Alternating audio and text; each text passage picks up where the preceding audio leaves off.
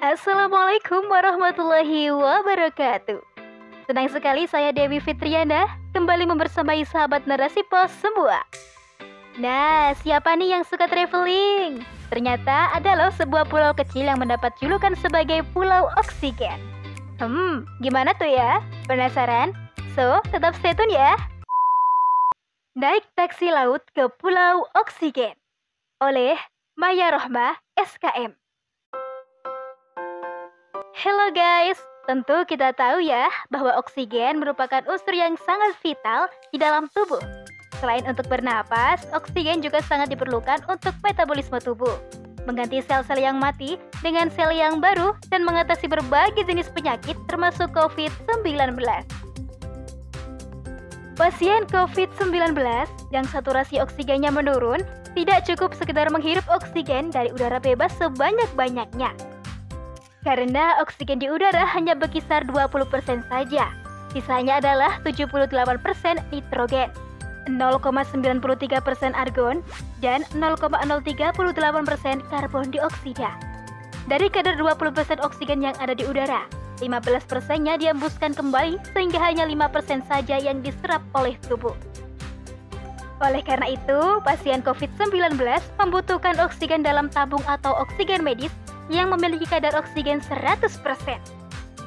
Wah, ternyata demikian pentingnya ya oksigen dalam tubuh kita. Padahal sebenarnya Allah telah memberikan oksigen yang ada di udara ini dengan gratis. Bahkan di Indonesia sendiri, kita mempunyai tempat yang dijuluki Pulau Oksigen. Ah, apa tuh ya? Ya, nama sebenarnya adalah Gili Iyang. Pulau ini mendapat predikat sebagai pulau dengan kadar oksigen terbaik kedua di dunia menurut World Health Organization atau WHO, yaitu 21,5 persen. Sementara itu, predikat pertama disematkan pada Laut Mati, Yordania. Pulau Madura terletak di Provinsi Jawa Timur. Pulau ini mempunyai empat kabupaten yaitu Bangkalan, Sampang, Pamekasan, dan Sumeneb. Kabupaten Sumeneb terdiri atas wilayah daratan dengan pulau yang tersebar berjumlah 126 pulau. Namun, hanya 48 pulau saja yang berpenghuni, sedangkan sisanya yaitu 78 pulau tidak berpenghuni. Salah satu pulau berpenghuni itu adalah Gili Iyang.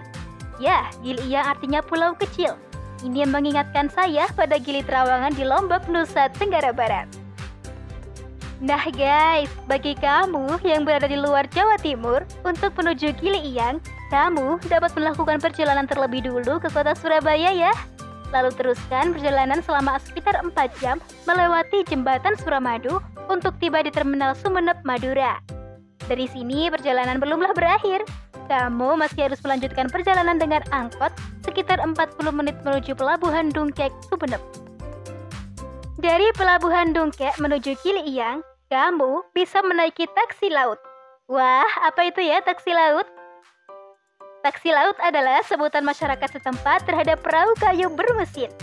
Perahu ini berkapasitas 20 sampai 50 orang. Tarifnya sebesar 10.000 per orang. Kamu pun bisa menyewa kapal mesin kecil jika bersedia merogoh kocek ratusan ribu untuk pulang pergi. Sedangkan waktu yang diperlukan untuk ke Gili Iyang sekitar 45 sampai 60 menit saja, bergantung kondisi cuaca dan tinggi gelombang. Nah, sesampainya di Gili Iyang, kamu bisa menyewa ojek motor roda 2 atau roda 3 yang biasa disebut Tosa, odong-odong, atau Dorka. Tapi jumlahnya dibatasi demi menjaga stabilitas udara. Motor-motor ini melintas di atas jalan selebar 2 meter yang sudah ditutup paving block yang mengelilingi pulau sepanjang 10 km. Ada beberapa destinasi menarik yang bisa kamu kunjungi selagi berada di Gili Iyang yaitu sebagai berikut. Pertama, titik oksigen. Ini adalah tempat terbaik untuk menikmati oksigen. Titik oksigen dibangun di sebuah lahan berpagar bambu dengan luas tak lebih dari 200 meter persegi. Sejumlah gazebo sengaja didirikan agar pengunjung dapat duduk dan beristirahat sambil menikmati kesegaran udara. Jangan khawatir ya jika ingin buang air atau mengisi daya baterai ponsel. Di Gili Iyang sudah disediakan bangunan toilet dan masuk listrik. Kedua, Batu canggah Batu canggah adalah batu yang terbentuk seperti tiang-tiang besar pada bangunan rumah yang seolah-olah menyangga tebing yang mencorok keluar. Deburan ombak di pantai dapat terdengar jelas dari sini. Ketiga, Pantai Ropet. Ki Ageng Ropet merupakan salah satu tokoh masyarakat di pulau ini, sehingga namanya disematkan pada nama pantai. Pantai ini merupakan pantai karang, lokasi bersandarnya perahu-perahu nelayan, dan sebagai tempat snorkeling. Namun jika kamu ingin benar-benar puas bersnorkeling Lia, kamu sebaiknya ke Gili Labak. Ya, Gili Labak masih berada dalam satu kawasan dengan Gili Iyang loh. Keempat, Gua Sarepa. Sarepa berasal dari nama penemunya, yaitu Sarifah. Pada siang hari, gua ini dipenuhi oleh suara decitan dari ribuan kelelawar yang tebang rendah di sekitar gua. Kelima, fosil ikan paus. Pada tahun 2010, seekor ikan paus terdampar di Gili Iyang. Lokasinya tidak terlalu jauh dari pantai Ropet.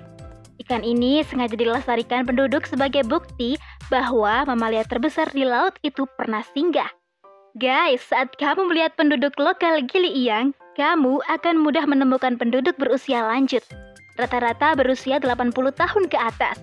Mereka nampak lebih muda dan lebih bugar dibandingkan usia masyarakat di kawasan lain.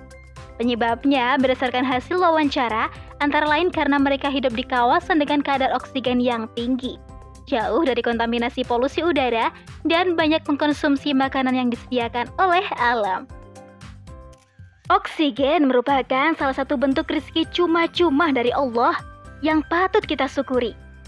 Jika hingga detik ini kita masih diberikan sehat dan cukup bernapas dengan pasokan oksigen dari alam, bukan dari oksigen dalam tabung medis, maka bersyukurlah.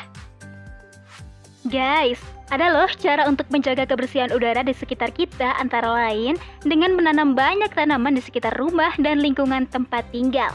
Seperti tanaman lidah mertua, lili, pakis, dan sri rezeki disebut-sebut memiliki manfaat yang membersihkan udara dengan menyedot racun dan memberikan oksigen ke sekitarnya. Selain itu, untuk menjaga udara tetap bersih adalah dengan membuang sampah pada tempat yang tertutup. Hal ini dimaksudkan agar aroma yang kurang sedap atau bakteri dan lalat dari sampah tidak mencemari udara di dalam rumah. Maka, yuk deh jaga bumi kita. Jangan rusak alamnya jika tidak ingin mendapatkan azab dari Allah Subhanahu wa taala. Seperti dalam firman-Nya yang artinya telah tampak kerusakan di darat dan di laut akibat dari perbuatan tangan manusia. Allah mengendaki agar mereka merasakan sebagian dari akibat perbuatan mereka agar mereka kembali ke jalan yang benar. Quran Surat Ar-Rum ayat 41. Nah, oke deh sob, sampai di sini dulu ya. Jangan lupa dengerin podcast-podcast Narasi Pos Media, biar makin tahu, makin banyak ilmu. Wassalamualaikum warahmatullahi wabarakatuh.